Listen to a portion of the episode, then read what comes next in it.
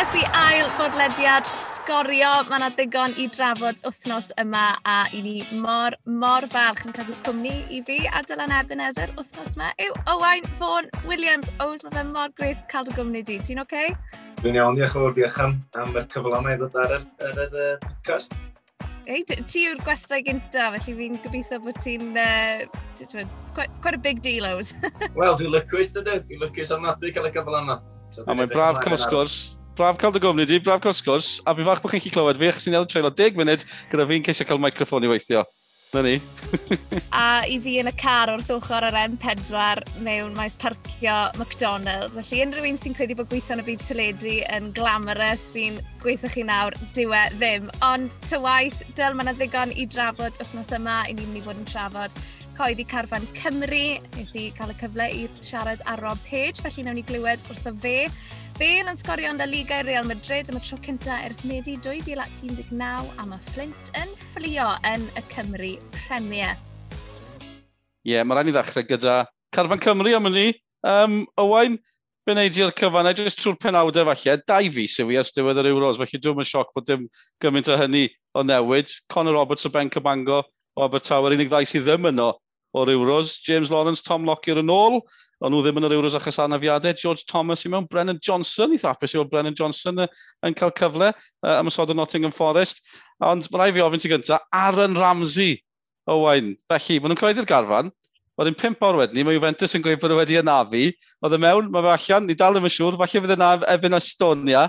Beth yn y byd sydd wedi digwydd fyna, ti'n meddwl? Ie, yeah, dim yn gwybod wir. Mae o'n... Um So, da ni gyd, da ni, da ni eisiau gweld yn se ar y chwarae Gymru, does, achos maen nhw'n ma nhw rhoi cyn gymaint i ni um, ar y cae.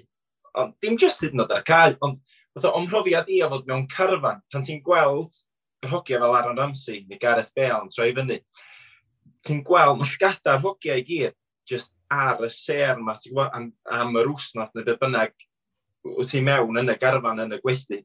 Nath gadael hogia jyst ar y, ar y ddau yna yn gonstant, jyst yn gwachio be maen nhw'n neud, be maen nhw'n fyta, ffordd maen nhw'n ymarfer, be maen nhw'n neud yn ei amser sbar. Jyst i bigo rhyw fath o, dwi'n yn gwybod, rhyw fath o um, rhywbeth bydd wedi ychwanegu i dy, i dy fywyd di mewn ffordd. Um, wedyn, mae golli fo, colli ar yn amser, wedi bod yn, yn slap enfawr i ni. Um, ond fydda ni mo'n croesi bysad bod o'n ôl ar gyfer y gêm ola yna. Mm. Chi'n swnio fel fi, mae chrwy'r pildroed fel fi, maen nhw ddim yn gallu tynnu llyged ar Aaron Ramsey. Na gyd fi'n neud, fi'n gwylio pildroed.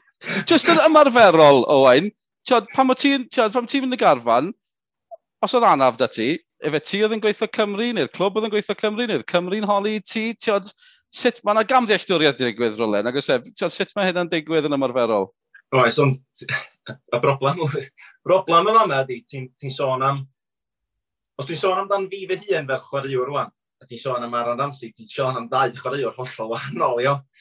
Dwi'n siŵr bod gyna Aaron Ramsey bellach, dwi'n siŵr bod gyna fo i fath ei ffisio ei hun i'r union y fath ac oedd gyna Gareth Bale, oedd o'n dod oedd o'n fflio i ffisio ei hun efo fo o Sbaen, o Real Madrid, efo fo. Dwi'n siŵr bod gyna Aaron Ramsey bellach rwy'n sy'n gweithio yn ofnadwy ag agos efo fo yn Juventus. Um, dwi'n siŵr bod o'n cael cyngor uh, Ond, ond peth arall, mae Aaron Ramsey, mae o yn mynd i roi ei hun ymlaen i chwarae i Gymru, dwi'n am dwywaith am hynny. Um, just yn anffodus yn ddiweddar, mae wedi cael lot o anifiadau lle da ni ddim wedi weld o'n y Cris Coch. Um, ac eto sydd yn bechod tromau fod yna, achos mae'n mynd i golli am ball gem. Ond fel dwi'n dweud, byddwn ni mon byw mewn chyd bach o obaith bydd o'n ôl ar gyfer y gem ola yna um, achos mae weld o'n Chris Coch mor, mor, mor wych, mor ei ryw, mor ei jyst hyder i ni dydy. Ydy, ydy, ydy. A, a hynny gyn digwydd hefyd, Sean, wrth gwrs, o ti wedi bod lan yn clywed y coeddiad yn holi Robert Page, tiad, Beth, o'n nhw'n gwybod bod e allan? Oedd na ddryswch dyn nhw? Neu just, oedd neb yn sôn am y peth cyn y coeddiad gan Juventus am hwnni? Na, o'n i yn y fel yn cyfweld ar Rob Page a dim sôn o gwbl um, am, am anaf Ramsey. A oedd e'n ddiddorol achos oedd Paige wedi sôn yn barod, i ni wedi sôn am Cybango a Conor Roberts mas oherwydd Covid. Mae yna broblemau anafiadau gyda Cymru beth bynnag, felly fywyd oedd oes y peth ola i ni moyn. Yn enwedig, achos mae o'n yn tymlo fel cyfle enfawr i Gymru nawr, a mae i ni'n edrych ar y gemau sydd gyda, nhw, gyda ni, Belarus ac Estonia, um, maen nhw'n gemau, mae rhaid i ni gael chwe pwynt o'r gemau yna, felly bydd bod heb Ramsey yn, um, yn broblem enfawr. O fel o'n i'n gweud, Sean edrych ti yno pan maen nhw'n gyhoeddi gyda rheolwr dych chi'n glywed gan Robert Page felly? Yes, you want your best players or all your players playing competitive football. We haven't had that luxury, unfortunately. We, we've, um, I used Joe Roden as an example earlier and, and many others, you know, the Tottenham, a, a big club in Tottenham, saw potential in him and saw him as an asset for the club for, for years to come. But nice, take him, but then allow him to go and play games somewhere. Mm. Um, you know, he's not played as many minutes as we would have liked. So it is frustrating for us, but um, yeah, ideally we want our, we want our players playing week in week out. A big theme on that are the goalkeepers. Danny Ward at Leicester, Wayne Hennessy's moved to Burnley, but there, there's a question mark in terms of how often he'll be playing. But is yeah. that still a concern for you? No, not as much. I think it was going into the Euros. Um, I, I, we're blessed that we got two, three with Adam Davis as well, uh, outstanding goalkeepers. And it's a great problem to have, or, or it was going into the Euros, and I think Wardy's now you know he's come through the through the Euros and and uh, give a great account of himself. Um, so for a manager, it's great to have those two, you know, unbelievable goalkeepers now pushing for a place and. Um, and, and they know themselves that they can't just rest at ease now that they've got the jersey. They know they've got to keep giving that level of performance or there's somebody there waiting to take the jersey. No different for any other player outfield as well.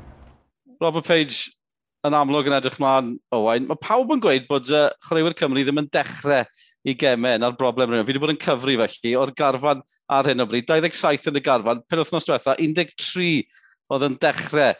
Ti ddim yn wych yn amlwg, ond dwi'n yn warthus chwaith. Y pryder yw, Ben Davies ddim yn dechrau. Rodon, dim ond mas da anaf. Dim un o'r boys yn y gol yn dechrau o wain. Yw hwnna'n broblem fel, fel i gol geidwad? Wel, dydy am ideal, na ddi, ti'n gwybod, os o'n i'n... Dwi'n meddwl os o'n i gyd yn cytuno sa'n ni'n licio gweld yr hogia, neu mwyafrif bod hwnna'n chwarae, mwy, neu'n cael mwy o fynydau dan ei belt. Um, ond ta waith ym hynny, ti'n sbio rwy'n fel Danny Ward yn enwedig be nath o yn yr Euros dros yr ha. Oedd o'n sefyll yn y gol na, mi oedd o'n awdurdodol, mi oedd o'n wych i Cymru fod yn onest yn dweud, um, nath o sefyll allan i ni. Wedyn, A o Danny Ward yn dod i mewn i'r gol neu chwarae lawer o gema o gwbl y tymor hwnnw. Wedyn, ti'n gwybod yn iawn, mae o'n diwedd yn gallu gwneud hynny eto, am dwywaith am hynny. Ond fe wedi mond meddwl a dychmygu faint yn well bysa fo, alla, os fysa fo yn cael mwy o gema. Achos, mm. fel da ni gyd yn gwybod, um, y dywediad mewn pel droed ydy, repetition, repetition, repetition. So, mwy, mwy am byd ti'n gwneud rhywbeth, ti'n dod fwy hyderus, ti'n dod yn well yn gwneud hynny. Um, a dy ddim really otch pa lefel ti'n chwarae, achos mwyaf byd ti'n gwneud rhywbeth, ti'n mynd ti'n mynd i fod yn well am, yn gwneud hynny, sa'n dwyeth yn beth. Ond, um, ia, mynd yn ôl i ddeud, bydda ni fod, fe ath o'n yn yr ha, yn yr iwros oedd o'n anhygol o dda, so dwi'n mond yn disgwyl a dwi'n siŵr sa bobl yn cytuno o bo fydd yn y gol yn yr gemau nesaf yma ti syni bod neb di arwyddo fe ar ôl ben athe yn yr Euros, achos fel ti'n gweud, tiod, nath, nath e waren wych. Mae fe ar gael, fi'n cymryd, dwi'n meddwl bod e fe'n costi lot, ti'n brynu Danny Ward, tiod, syni bod clybiau ddim di edrych yna fe. Ie, yeah, wel, ti'n gwybod, ti di, ti di thara hi ar ei ffen yma, dyna di'r broblem, ynddo. Um, ar ôl chdi gael twrnament cyn gystal, a mae o di gael, a dy bris, ddim wedi fod yn lot mwy. Digon teg, ie. Dyna sy'n mynd i ddigwydd, wedyn pwy sy'n mynd i dalu'r pres mowr yma am y chwaraewyr yma. Um, ond, dim problem dan i ward ydy hynna, achos mae o'n cael y llwyfan i wneud be mae'n wneud, a mae wedi dangos i bywb be mae'n gallu wneud. Ac yr unig beth wedi ddo ydy cario ymlaen i wneud hynny. Y broblem sgynna fo ydy bod Cashdash Michael di'n eini ar y fath o beth mae'n rhaid i wneud. Wedyn mae o just yn... Mae ma mor anodd iddo, achos mae gynna fo goli arall o'i flaen ar hyn o bryd sydd, sydd well, mae wedi bod yn wych, mae Casper Schmeichel wedi bod yn anhygol i Leicester am blynyddoedd mm. bellach. A mae jyst mor anodd, anodd di disodli'r boi na, achos twa, bob tymor mae boi ar dop i gem. A mae jyst yn anodd i Dani ar hyn o bryd i symud o dy. E? Cwestiwn mm. sydd fi yw, ar ôl holi, ges i pleser o holi Dani Ward y gadl yr Euros yn Baku, ydych chi gyd yn foes mor neis? Achos mae Danny Ward yn hyfryd, Wayne Hennessy yn hyfryd, dwi'n di holi Adam Davies, mae'n siŵr bod e'n neis. Owain Vaughan Williams, os neb yn, yn, yn boi mwy ffein na Owain. Beth yw i am chi boys yn y gol? Mae pawb mor, chi gyd yn boys ffein? na, na, dwi'n ni'n mynd. Ond, um, un beth am yr hogia sy'n chwarae um, sydd yn tîm Cymru, enwedig yr hogia sy'n gol, yn, pan ti'n gol, mae chydig bach yn wahanol, chos un safle sgyn ti Mm. Ni, mae pob eisiau chwarae, um, ond, a mae pob eisiau curo, mae pob eisiau bod yn llwyddiannus. Mae lot haws i bob bod yn ffrindiau, a lot haws i bob wneud efo'i gilydd. Um, a just bod yn helpu un a llall. A dyna di'r fatha'r motos sgynno'r goli sy'n fanna. A maen nhw wedi cael yna ers blynyddoedd maith, felly dwi wedi bod efo nhw ers ma. Um, dwi'n gwybod faint o flynyddoedd mon, ond oedd un o'r dda, pan eisiau mewn am y tro cynta, oedd o'n dechrau, oedd o'n i gyd yn gwybod na wen hynny oedd o'n lot gwell, gwell na ni gyd. Um, ond oedd o'n i gyd yn gwneud yn gorau iddo fo berfformio uh, yn y gol na, a mae'r rhi fath yn digwydd efo Adam Davies ac efo Wayne Hennessy, bellach sydd wedi, twa, mae wedi colli, colli'r rhif un yna, sydd yn, sydd yn bechod ofnadwy iddo fo. Um, Ond dyna chdi brofiad gyda Wayne Hennessy rwan i reid y cymorth yna i Danny Ward, ti'n gwybod? Um, mae hwnna yn ei hun yn priceless, de, ac, ac boi fatha Wayne Hennessy, greu at y boi, mae o'n mynd i yna hynna, mae o'n mynd i fod yn gefn i Danny Ward, sa'n dwywaith am hynny, de. Mae'n diddorol na'n gwyb. Mae nhw'n fyw dyn ni, Sean, edrych yn newyddion da i ni, ty beth? Neu, newyddion gwell i'r gwylwyr, nes o'n gwybod. Falle bod yna ddim yn newyddion da i'r gwylwyr. Wedyn, mae gemau Cymru i gyd mynd i fod yn fyw ar sgorio ar S4C, felly ni'n dechrau gyda'r ffindir yn erbyn Cymru nos fercher cynta o fedi, Belarus yn erbyn Cymru ar ddydd syl y pumed o fedi, a wedyn Cymru gytre yn Stadiwm Dinas Cyrdydd yn erbyn Estonia nos ferched nos fercher, yr wythfed o fedi. So del, ni'n ni mynd i fod yn, ni mynd i fod yn fisio wythnos, wythnos nesaf. Ie, yeah, a mae yna gêm Cwpan Cymru ar y we hefyd yn y canol. Newydd cael y tecynner teulu ar gyfer gêm Estonia gyda llaw, felly uh, fydd y teulu yna, mae pawb yn edrych mlaen. Fydd yn neis bod nôl yn y stadiwm uh, hefyd, edrych mlaen i gael y cefnogwyr na nôl. Ond i hefyd eisiau oli ti, fi eisiau Sioned Owain, am uh, well, y cysylltiadau Cymru yn yr Alban, nag o'n i Sioned, achos mae yna ma mm. ddigon ohonyn nhw. O, os wel, i ni wedi sôn am y garfan, un o'n nhw Dylan Levitt, mae e newydd arwyddo i Dundee, felly mae yna fywyd o ddebsi, mae yna ma gang bach wedi mynd i'r Alban am y tymor, a oes fod yn amlwg i ti'n ti gyfarwydd iawn ar gyngrair, i ni wedi cael John Hatton, Joe Ledley, Owain Tudor Jones yn waren y gyngrair hefyd, Twyd beth yw'r beth yw'r apel? Ydw e'n le i'r Cymru gallu syrenu? Yndi, wel, byddai'n ond siarad o'n profiad yn hun. Um, y rheswm ddys i fyny fama oedd i fod yn hollol onas i fi gallu cario ymlaen yn Carfan Cymru. Um, a, a dyna, dyna oedd yr unig reswm i fi ddod fyny yma. Um, I fod yn hollol onas, eisiau i arwyddo fo Inverness, lle oedd nhw yn chwarae yn, yn Ewrop, oedd hwnna'n rhywbeth oedd yn, um, yn, yn, yn hynny fi fyny i fama. Um, a, ond, ond y peth mwyaf oedd bod fi yn chwarae yn yr SBL ac yn um, bod fi'n chwarae'n rheolaeth, rhywbeth da ni wedi sôn am, um, oedd yn bwysig i Chris Coleman pan o'n i uh, uh, yn ymuno ar garfan, oedd, hwnna'n rhywbeth nes Chris Coleman ddeitha fi yn, yn ddian iawn. Oedd hyn cyn Euro 16, oedd hyn fatha yn yr ymgyrch, neu cyn i'r ymgyrch ddechrau, os dwi'n cofio'n iawn.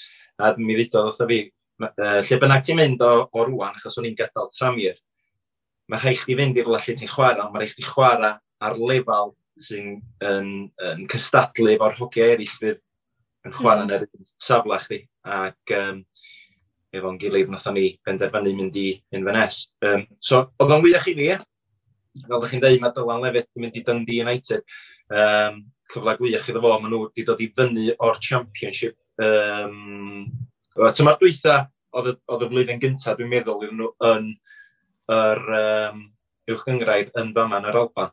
Wedyn mm. cyfle gwych iddo fo, um, bydd yn chwarae. Be, y, y test mwyaf wrth gwrs pan, pan mae rwy'n fyny fama ydy Celtic a Rangers. Nhw di'r ddau mm. dîm lle, ti'n gwybod, mae'n rhaid mae'n rhaid di fod ar dop dy gem, achos maen nhw'n ma nhw wych, a ti'n cael y profiad y chwarae o flaen uh, 15,000 o, o, o dorf, ti'n gwybod? Mae, mae o'n wych, mae o'n brofiad yn ei hun, jyst cael yr, yr car yr uh, hein yn gweiddi arna chdi.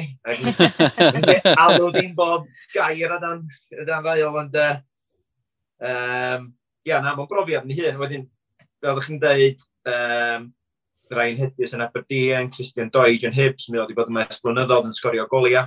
Mm. Da ni'n gwybod mi oedd i brifo ar hyn o bryd, mi oedd i fod allan tan dolig, a wedyn Ben Woodburn wedyn, mi oedd i symud i hart yn ddiweddar rwan. Um, Dwi'n meddwl bod o...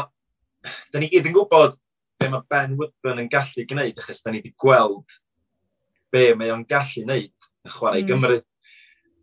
Be dwi'n deimlo ydy illa bod o ddim wedi cael...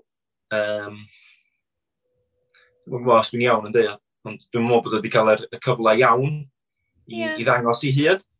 Um, a byddai mo'n gobeithio geithio'r cyfle yna yn hart eto clwb gwych mae uh, stadiwm anfarth. Um, maen nhw wedi adeiladu stand newydd yna. Um, tîm sy'n newydd ddod i fyny i'r uwch gyngrair, ond efo tîm fel Hart, mae'r pwysau arna chdi'n straight away, achos maen nhw eisiau bod yn yr, yn yr chwech ycha y tymor mas am hmm. dwy'r mynedd. Felly mae, mae Ben Woodburn yn mynd i Hart, a maen nhw eisiau bod yn yr, yn y chwe, yn yr, yn yr, yn yr, yn yr tabl ycha yna, yn y hmm. gyngraes am dwy'r mynedd. Beth am pobl yn mynd, o dim ffordd arall, mae lot o arbanwyr wedi dod mewn i uh, uwch Cyngled Cymru hefyd yn ddiweddar sy'n sy, ddiddorol, ond beth ni eisiau holi ti, mae yna dri Oedd yn yr Euros gyda ti'n 2016 ar bryn yn chwarae yn uwch gyngred. Cymru, David Cottrell di bonod a dwi'n newydd erbyn hyn, Jazz Richards. Ond Dave Edwards di mynd i'r bala. A dim byd yn erbyn Jazz Richards a David Cottrell fan hyn. A mae fe'n, maen nhw'n gyhoeddus, maen nhw wedi cael eu problemau oddi ar y cae, ond nhw'n gweld y gyngred fel ffordd i fel rhai chwarae pêl droed. Mae Dave Edwards na, achos bod eisiau bod na, achos bod eisiau chwarae pêl droed. Be mae hwnna'n gweithio ni amdano fe? A falle, mae gyngrair hefyd erbyn hyn.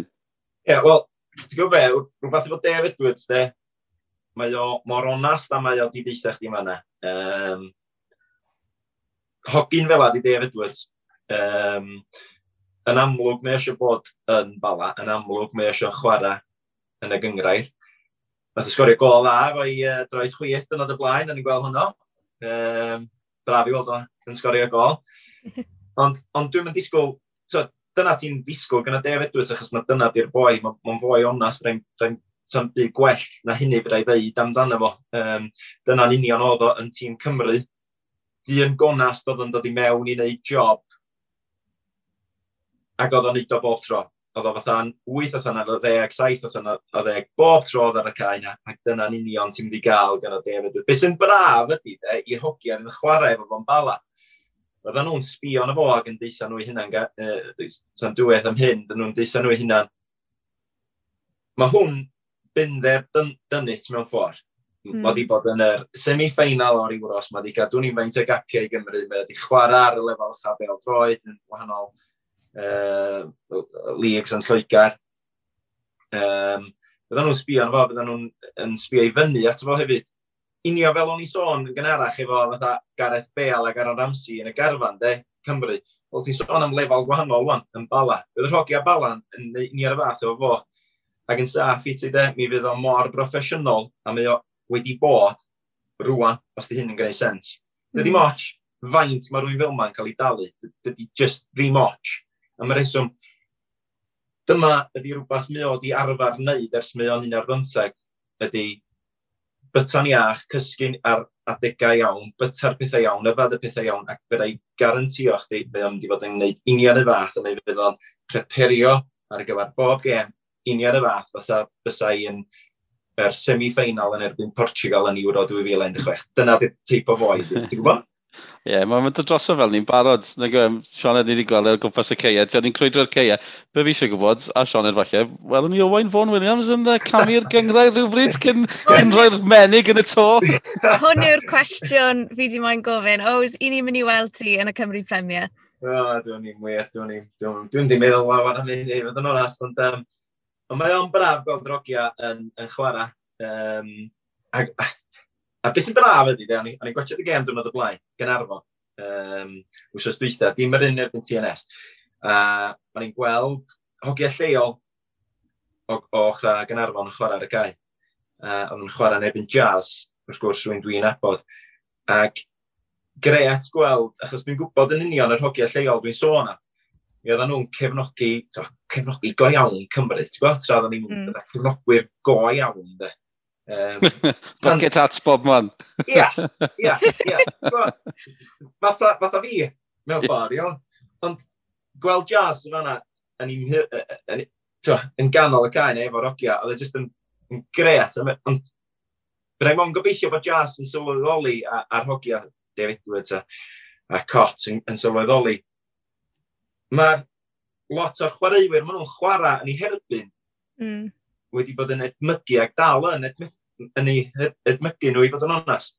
Mm. Um, a wedi cefnogi nhw ers blynyddoedd, ti'n gweld, Cynrychioli Cymru, ond mae'n ma rhywbeth rhaid special gweld rwy'n fel jazz yn chwarae ar yr ofal yn Gynarfon, a gweld hogyn ifanc um, fel uh, Gwion Dafydd oedd ar y cae, um, yn hwyr yn y gem na a sgorio oedd o'n erbyn TNS dyn oedd y blaen. Wrth dwi'n oedd o'n wych, ti'n gwybod? So, um, na, dwi bod tro yn yn, mae'n gret gweld hogia lleol yn cyfle gyda'r gyda clwbiau yma. Um, mae Gynarfon yn gwneud hynny wedyn, mae hynny'n hynny wych.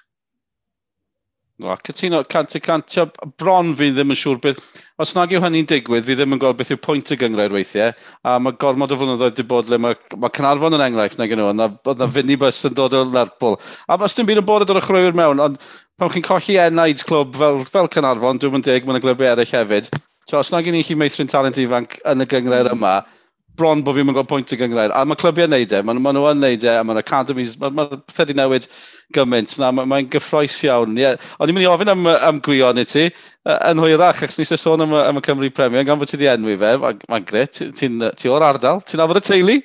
Ynddo tad, ynddo, nabod yn iawn, ni'n nabod... Oedd i dad o'n chwaraewr da, calad, um, so ti'n mynd i groesi fo. Um, Ac oedd o'n gwybod yn union lle oedd y, y rhwyd hefyd. Wedyn, na, um, mae'r mae DNA yna, ond um, o'n i'n gwrando ar Malks. Mae Malcolm Allen di, di bod yn, yn helpu yn Academy Gynarfon, so mae o'n gwybod yn union sut chwaraewyr ydi gwion. Um, mm. Dwi ddim, ar hyn o bryd dwi'n dwi wedi gweld, swn i wrth modd gweld mwy o, o, o'r fatha'r Academis, a gweld, enwedig, oce, okay, dwi oedd y ffrinanlla o ardal Gynarfon. Um, a swn i wrth y modd gweld sy'n maen nhw'n mynd o'i, oi chwmpas i i ddatblygu'r hogia yma. Um, a fyddai mo'n gobeithio bod mwy o hogia yn... Bod, bod yna rhyw ffordd i fynd o'r academi i'r tîm cyntaf na, bod ni'n gweld mwy ohonyn nhw.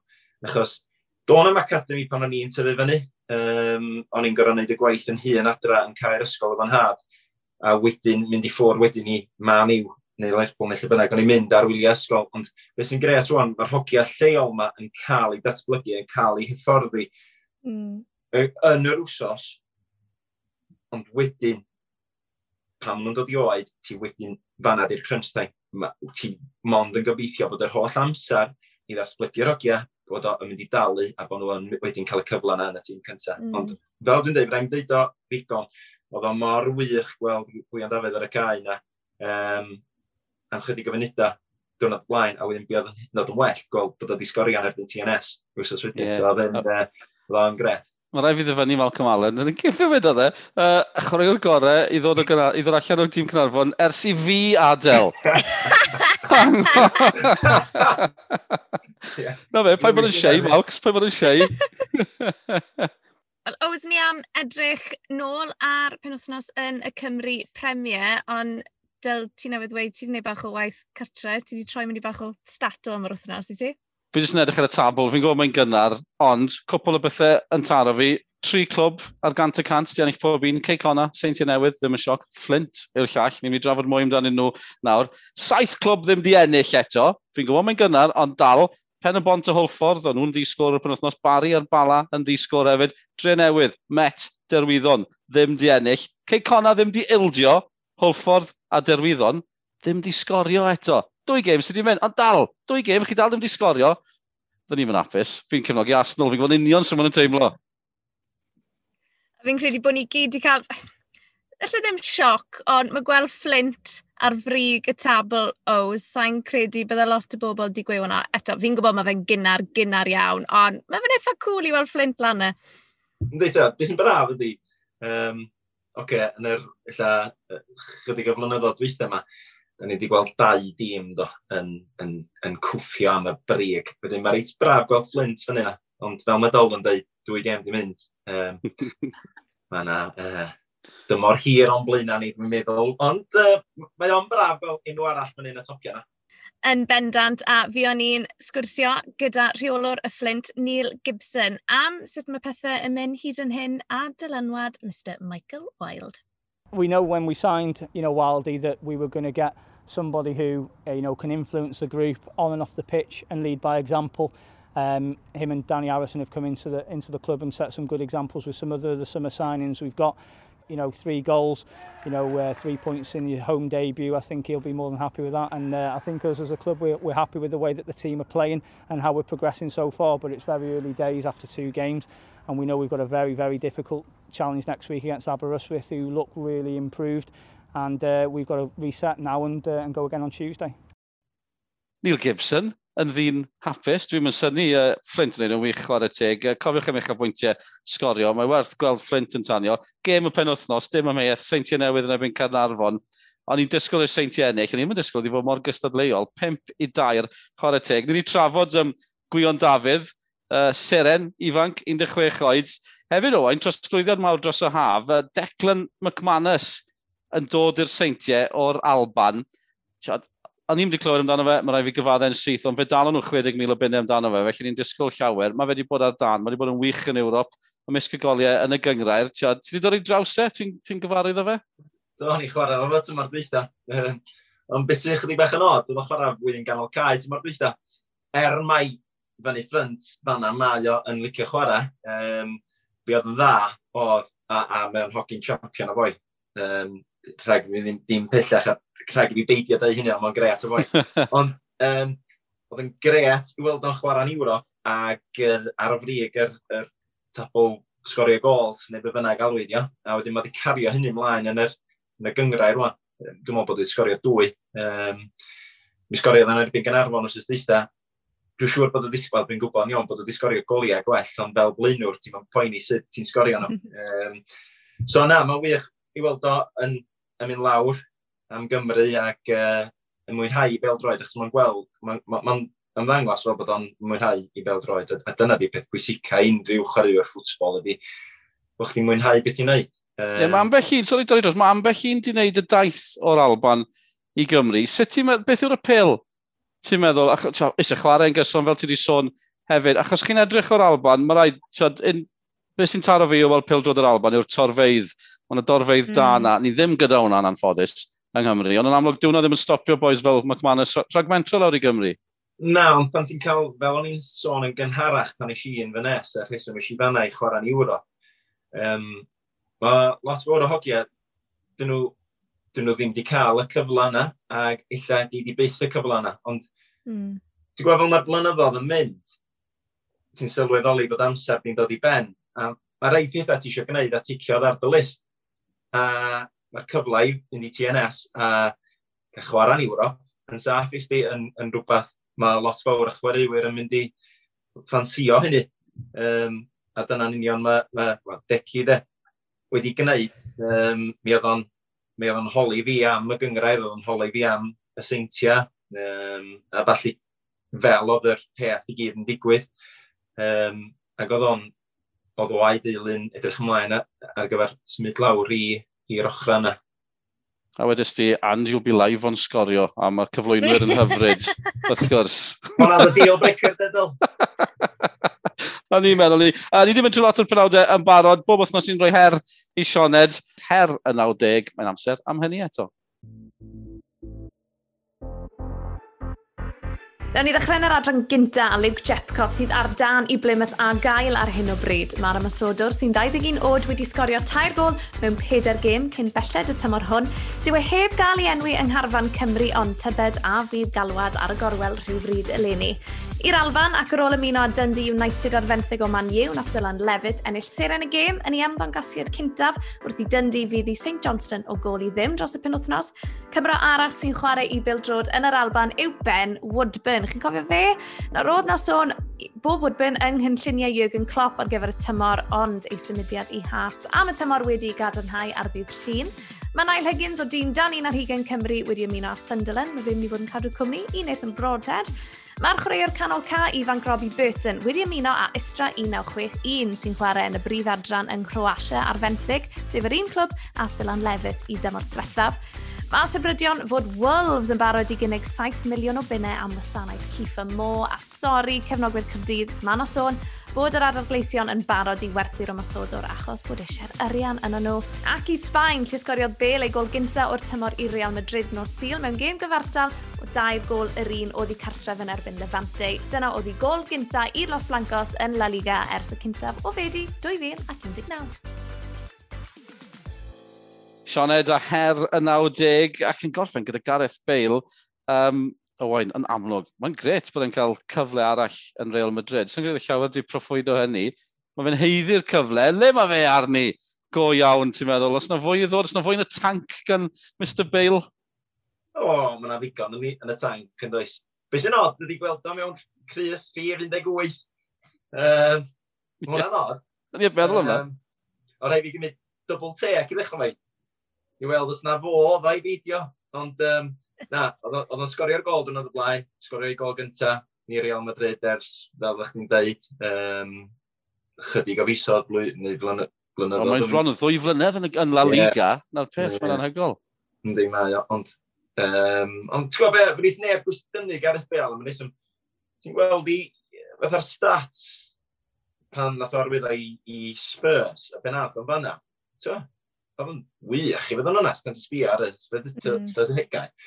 Mhm. Um, ond na, digon yn y tank, dwi yn edrych ymlaen wan i weld twa, be mae'n mynd i wneud y tymor yma i fod yn onest, um, a, a dwi'n obeithiol iawn Dwi'n gwybod pawb yn gweud bod e'n, a chi'n cael y teimlo trad ar y ddeiar bod e ddim wedi newid, ond mae'n rhai bod e wedi newid. So, ti'n nabod esblynydd, mae fe'n superstar. A dwi'n gwybod Carfan Cymru, falle bod, bod hwnna ddim na, ond, chod, os na deimlad bod e, dim ond ar lefel arall o ran i build roed, ond o ran y bywyd sydd gyda fe? Dwi'n meddwl, sa'n ni'n siarad o fo, de, rwan.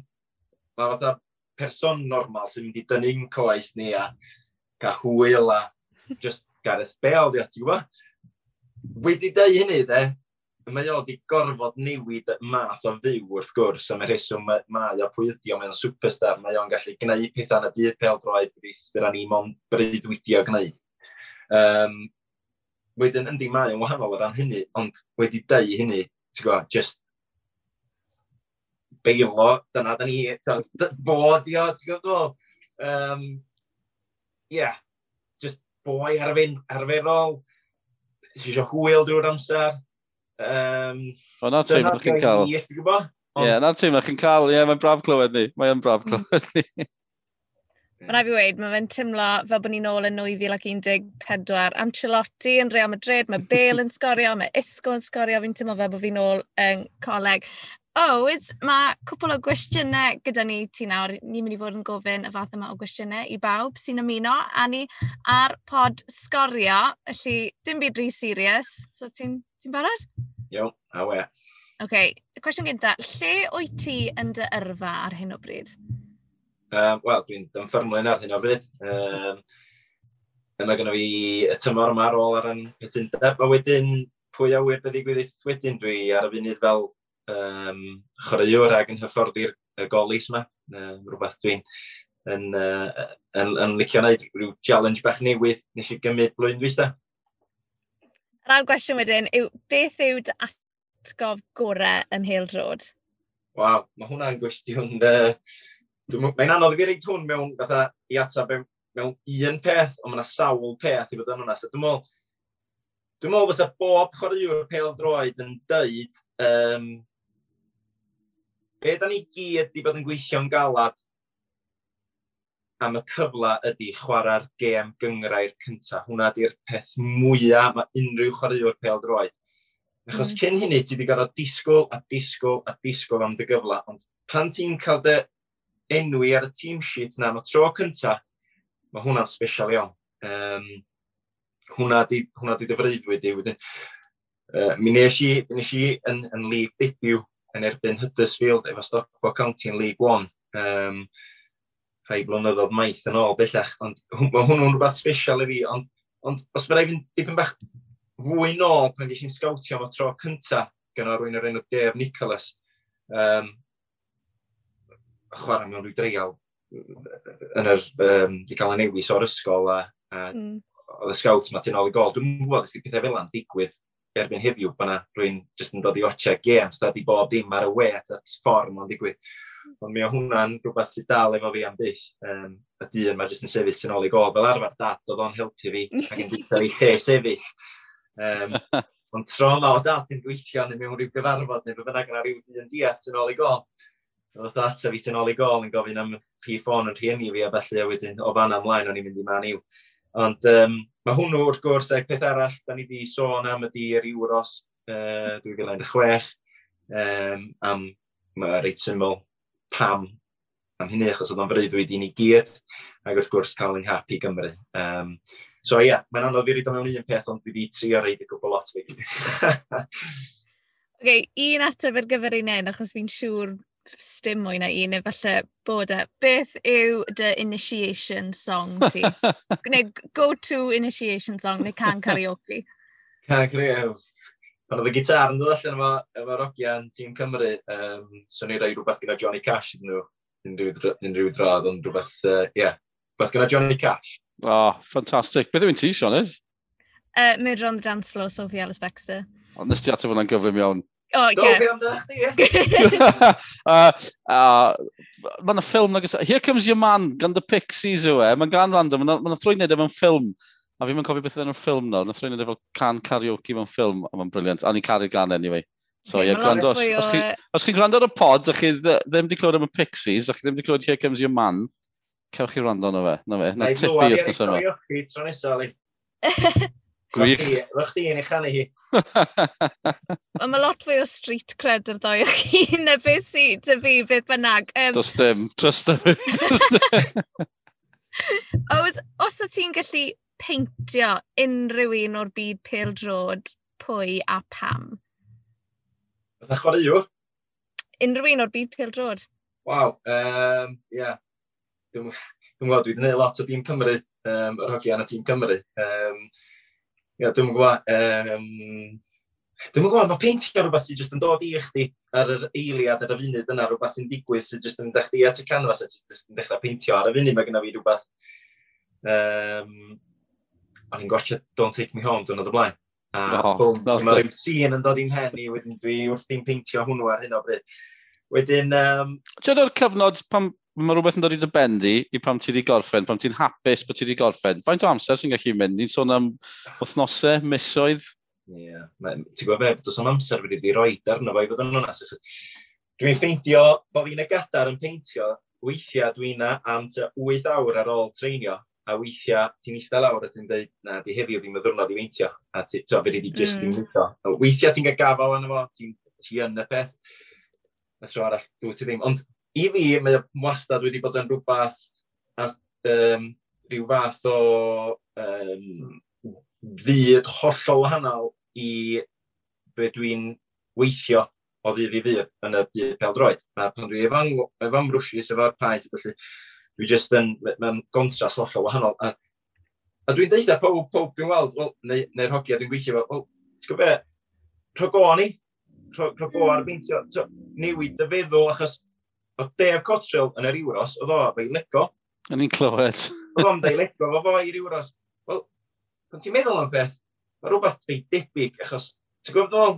Um, a, a um, achos mae'n mae hawdd iawn i chdi fynd o flaen y PlayStation, yr Xbox, a ti'n gwario hanner dy fywyd o flaen sgrin, ti'n gwybod? Mm. Um, yn lle fyddi di neu rhywbeth yna bod o'n chwarae fferin neu fath o'n dwi bob tro'n yn dweud bod rho ar rhywbeth gwahanol. Dwi jyst yn clywed i bod tro, i rai unig, lli, yn rai unig. Ie, ond ti rioed i trio, dwi'n bo, neu modal, neu, neu rhywbeth.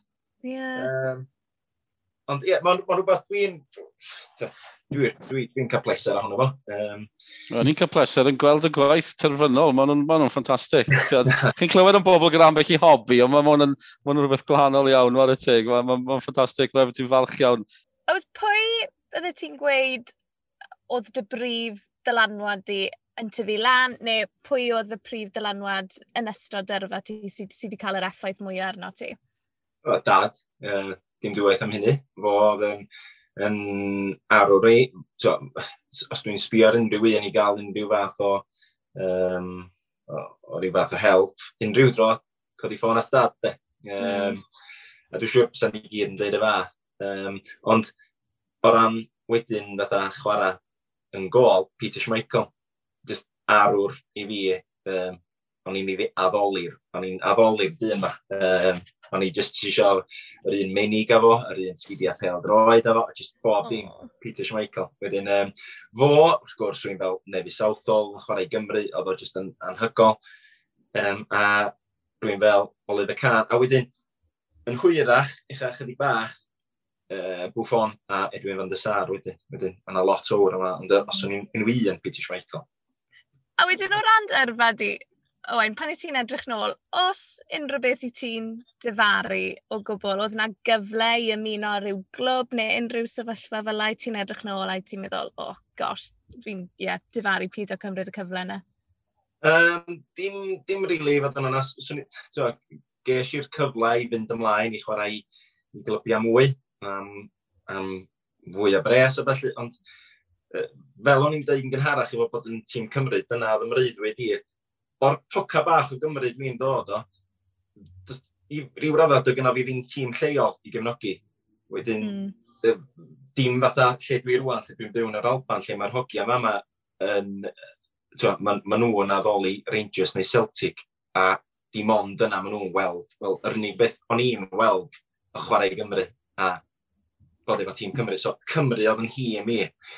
Wedyn, o'n i'n gwneud bod dim i just trio aros i mewn yn y garfan, trio, bod, trio, trio chwarae i Gymru. Wedyn, mm. y rheswm nes i ddim symud a penderfynu mynd i'r clybiau nes i oedd fel bod fi'n chwarae a bod fi'n rhaid yn hun, gallu rhaid yn hun ymlaen wedyn i fod yn sgwad Chris Colma. Mae hwnna'n bwynt digon teg. A yn ola, a fi'n dylio ar y cwestiwn yma. Um, so ti'n gorfod dewis tîm pimpo pob ochr delfrydol o chwaraewyr i ti wedi chwarae gyda yn ystod y yrfa, pwy bydde'n dy dîm di a pham? da. Ti'n gwybod beth mae hwn wedi bod reit syml. Um, Wen hynny sy'n go, cawr. Um, yeah, bob tro mae wedi chwarae i Gymru, mae jyst wedi bod yn consistent, mae wedi bod yn, yn wych, jyst, dodol yn gol rwy'n dwi wedi cystadlu ers da ni'n tua uh, 15 oed efo'n gilydd. Um, da ni wedi tyfu'n fyny efo'n gilydd yn ffrindiau, uh, rhannu stafell efo'n gilydd. Ia, yeah, so fo sy'n gol, Ashley Williams, Craig, just, twa, be nath o i Gymru, a, a ffordd nath o datblygu mm. i Gymru, ac yn y clybiau oedd o, twa, yn dechrau, chwaraeodd ei Stockpot er, enghraifft, a, a pwy sy'n meddwl, sa'r Ashley Williams oedd yn chwarae Stockpot yn troi allan yr Ashley Williams oedd yn yr Euros, ti'n gwybod. Y ffordd oedd o mor gyfforddus oedd ar y bel, ffordd o'n darllen, ffordd pa mor gry oedd o, um, ffordd oedd o'n siarad efo'r efo, efo pres, ffordd oedd o efo'r hogiad yn y garfan. Um, just bod dim capten, chdi fwy, ia, yeah, creigan, carag, just cawr o fwy. Wedyn, gen i dri person. So... um, Fi'n gwybod am ornament. so, so mae'n gorau bod Joel yn, am yr heswm sy'n o'n gallu cymryd y bel yn rŵl ar y cae.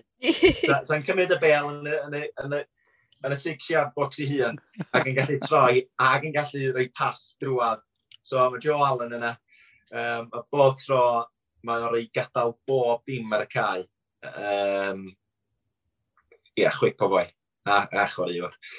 Aaron Ramsey, dol tîm diwedd yn hapus. Oh, wrth y modd. um, Dewin, be arall fyrra i, ffordd arall fyrra i disgrifio ar y boi yma, jyst Dewin. Pan mae o ar ei gêm, o'n gallu gwneud pethau ag gweld pethau di neb arall yn weld. A wedyn llall, Gareth Bale. Um, Sgwni pwy, ie, yeah, ni'n yeah. sgwni pwy.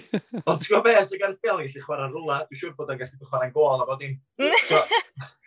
Mae'n just think... Mae'n just yn strisio. Um, yndi, mae o'n something else gwe o'n Gareth Bale. O ran chwaraewyr pel droed. Dwi wedi bod yn lwcus gweld gwahanol lefel o chwaraewyr pel droed. Iawn, sydd yn chwarae, sydd yn chwarae'n broffesiynol. Be sgyn ti wedyn ydy lefela o fewn chwarae'n broffesiynol. A mae'r boi ma de, just gymaint gwe, gwell na neb arall just for bob dim amdano fwy. Mae'n ma, ma, mae, mae'n gallu rhedag dan ifan, mae'n gallu neidio yn uwch na neb arall, mae'n gallu dal y bel, mae'n gallu pasio'r bel, mae'n gallu seithi am gol, fatha sa neb arall yn gallu neud. Ie, yeah, chwaraewr special, ia. O, o, mae'n fod yn... Ie, am dîm, mae'n bod yn bleser uh, cael dy gwmni dîm. Dwi'n mwynhau y tîm na, fydda'r tîm na mynd yn bell iawn, dwi'n credu. Mm. Ti'n gwybod beth, sa'r tîm yna, Cira, un o'r ddeg oedden ni gan siŵr am y. Yn bendant. Na, Ows, diolch yn fawr iawn am dy gwmni di. Mae wedi bod yn bleser cael ti ar pod sgorio. Diolch i ddau na chi ac yn ofal. Diolch eto. O, oh, ddi wych cael cwmni uh, Owain Fôn Sioned, ond mae angen edrych nôl uh, ar uh, beth sydd bod yn digwydd nid yn unig ar y clybiau mawr, clybiau rhyngwladol, y pyramid. Na beth sy'n cael yn sylw ni hefyd. Dwi wrth y modd ar y cyngreiriau is o dan y Cymru Premier. Ond i edrych ar y tabl, fel fi wedi bod yn neud, fi wedi bod yn adolygu. Cyngreir y de, mae pont y pryd wedi codi i'r brig. Maen nhw wedi ennill peder yn olynol. Llanelltid fawr, Llantwit Major yn ail. A Llan Sawel sydd na wedyn ni. Eto, y clybiau, dim, dim bod nhw ddim yn ffasiynol, dim yr enwau felly byddwch chi'n disgwyl, ych chi'n gweld pwy sy'n gyda Llan Sawel, Liam McCreesh, Mark Jones, Ar y masod, mae fe'n wych. Mae Sasha Walters, mm. na chi enw sy'n bod o gwmpas y gyngred, uh, dal gyda nhw. Ond lawr yn y gwylod, cyfyrddin ar y gwylod, achos gollio nhw bwyntiau. Felly, uh, tiod, diffi, uh, minus un pwynt sydd gyda nhw, ond wedi, ond wedi cael dwy gêm gyfartal i fod yn deg. Be wneud i am hyn? Port Talbot, drian nhw, dim un pwynt, chwe gêm, maen nhw wedi ildio 30 a thair o goliau. O, oh, mae'n mm. boenus. Fi'n dilyn cwpl o gefnogwyr Port Talbot a'r Trydar a dyn nhw ddim yn hapus o gwbl. Ond eto, fe wedys di, yr clybiau mawr neu, neu'r enwau mawr neu ni'n gyfarodd y gweld, maen nhw'n nhw stryglo i yn hyn tymor yma. Fi'n credu bod lot o bobl wedi cael sioc. Nid yn unig yn gweld Port Albert ar y gwylod, ond gweld Port Albert fe wedys di yn ildio siwgwm yn tygoliau. A ie, yeah, mae eisiau pethau newid fyna'n gloi iawn.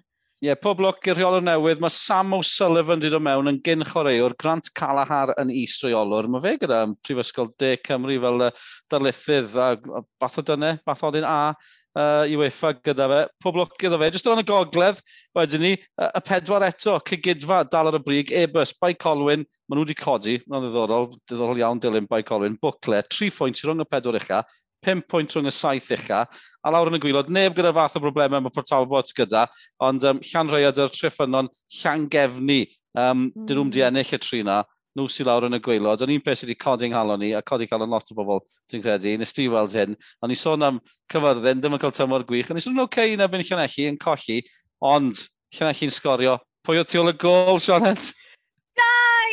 do the dau.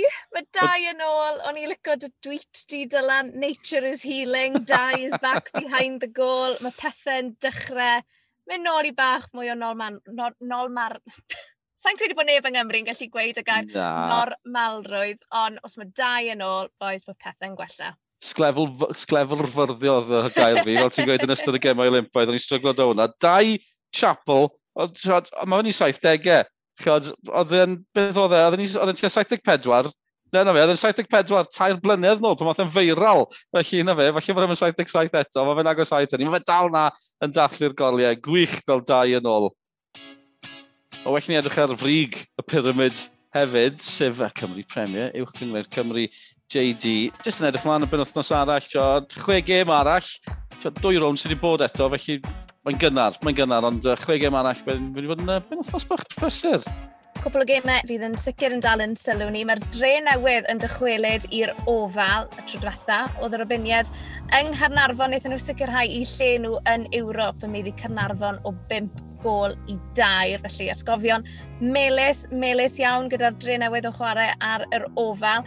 A'n gêm fyw ni ar sgorio bydd Kate Conna pencampwyr yn teithio i Ben y Bon, lle bydd tîm Andy Morrison Wnaethon nhw sicrhau'r bencampwriaeth y tymor diwetha, felly eto atgofio, atgofion melus i nhw hefyd, ond fe wedi stidel dim pen y bont. So maen nhw wedi ennill gêm eto tymor un, felly fi'n credu ni'n croesi bysedd bod hwnna'n mynd i fod yn gêm dda a bydd hi'n fyw ar sgorio Gig gynta am chwarter wedi 5 a fyny ar yr air am 5 o'r gloch. Dyn nhw wedi colli chwaith gofio. Pen y bont. Mae dim ond dwy gym. Sorry, pen y bont. Sori, Eisiau gweld Andy Morrison. Gobeithio bydd efo'r hat fel crocodil yn dydd yn gwisgo i, i, i wawdio mae Caris trwy'r oedd e ar um, yn y bont. Bydd e hefyd yn cadw golwg bargyd. Ti'n lot o gefau. Bala Met yn amlwg. Dyrwyddon yn erbyn y bari. Ond mae Flint gartren efo'n Aberystwyth. Gallen nhw'n gwneud un dair allan y dair. A'r seintiau'n teithio i Hwlffordd. Felly, Cey Conna, y seintiau a Flint, maen nhw'n berffaith. Maen nhw'n ennill y ddwy gêm gyntaf, gan i weld os bydd i dal un peth efo'n diwedd y penwthnos. Dwi'n yn siŵr, yna ni, ni wedi cyrraedd y diwedd, am noson. Y hyfryd cael Owain Fôn. O'n i'n methu gweithio'r microfon. o ti'n methu uh, gadael y maes parcio, ni wedi cyrraedd y diwedd rhywsyd. Un coen, gael gael ddeud yng nghwyn cyn y diwedd gyda llaw. Un coen, rhywbeth sydd wedi digwydd i fi wythnos yma. Mae yna um, gwmni buses yng Nghaerdydd, na ddim enwi nhw, ond dwi'n anodd iawn dyfalu nhw, bod chi'n gwybod bod nhw'n gwmni bus yma nhw o Gaerdydd. Mae'n app dyn nhw yn gweithio chi leif fynd, stwnd yn byd i wneud y pil droids, oedd y car yn y garage, chi'n gweud le chi eisiau mynd, mae fe'n gweud pa, pa uh, safle bws chi'n mynd i, pa, fos, pa rhif bws chi'n goffa dala. Ti'n bynnag yr app gweithio fi? Nath o weithio fi gerdded. Dim help, nath o'n gweud dala bws 350, neu cer i'r bus stop yma, cerdda am 20 munud i'r garage. Diolch yn fawr iawn am y cyngor yna. Fi'n gobeithio bod ein podlediad ni yn bach mwy o help i chi na'r app i helpu fi ar y bws yng Nghaerdydd. App yn gweithio ti gael bach. Fi ni gael bach o ffres air, bach o marfer corff ebdi. Falle mae'n beth oedd yn i'n meddwl yna. Hyfryd! Felly dyna'r cyfan am nawr diolch yn fawr i chi am rando a chofiwch i ni yn y, yn y llefydd arferol ble chi'n cael eich podlediadau i ni ar Spotify, i ni ar Apple Podcasts, felly cofiwch tan ysgrifio, achos bydde fe'n braf iawn cael eich cwmni chi trwy gydol y tymor. Felly, o fi, Adel, am nawr, tyra, welwch chi ni tro nesaf.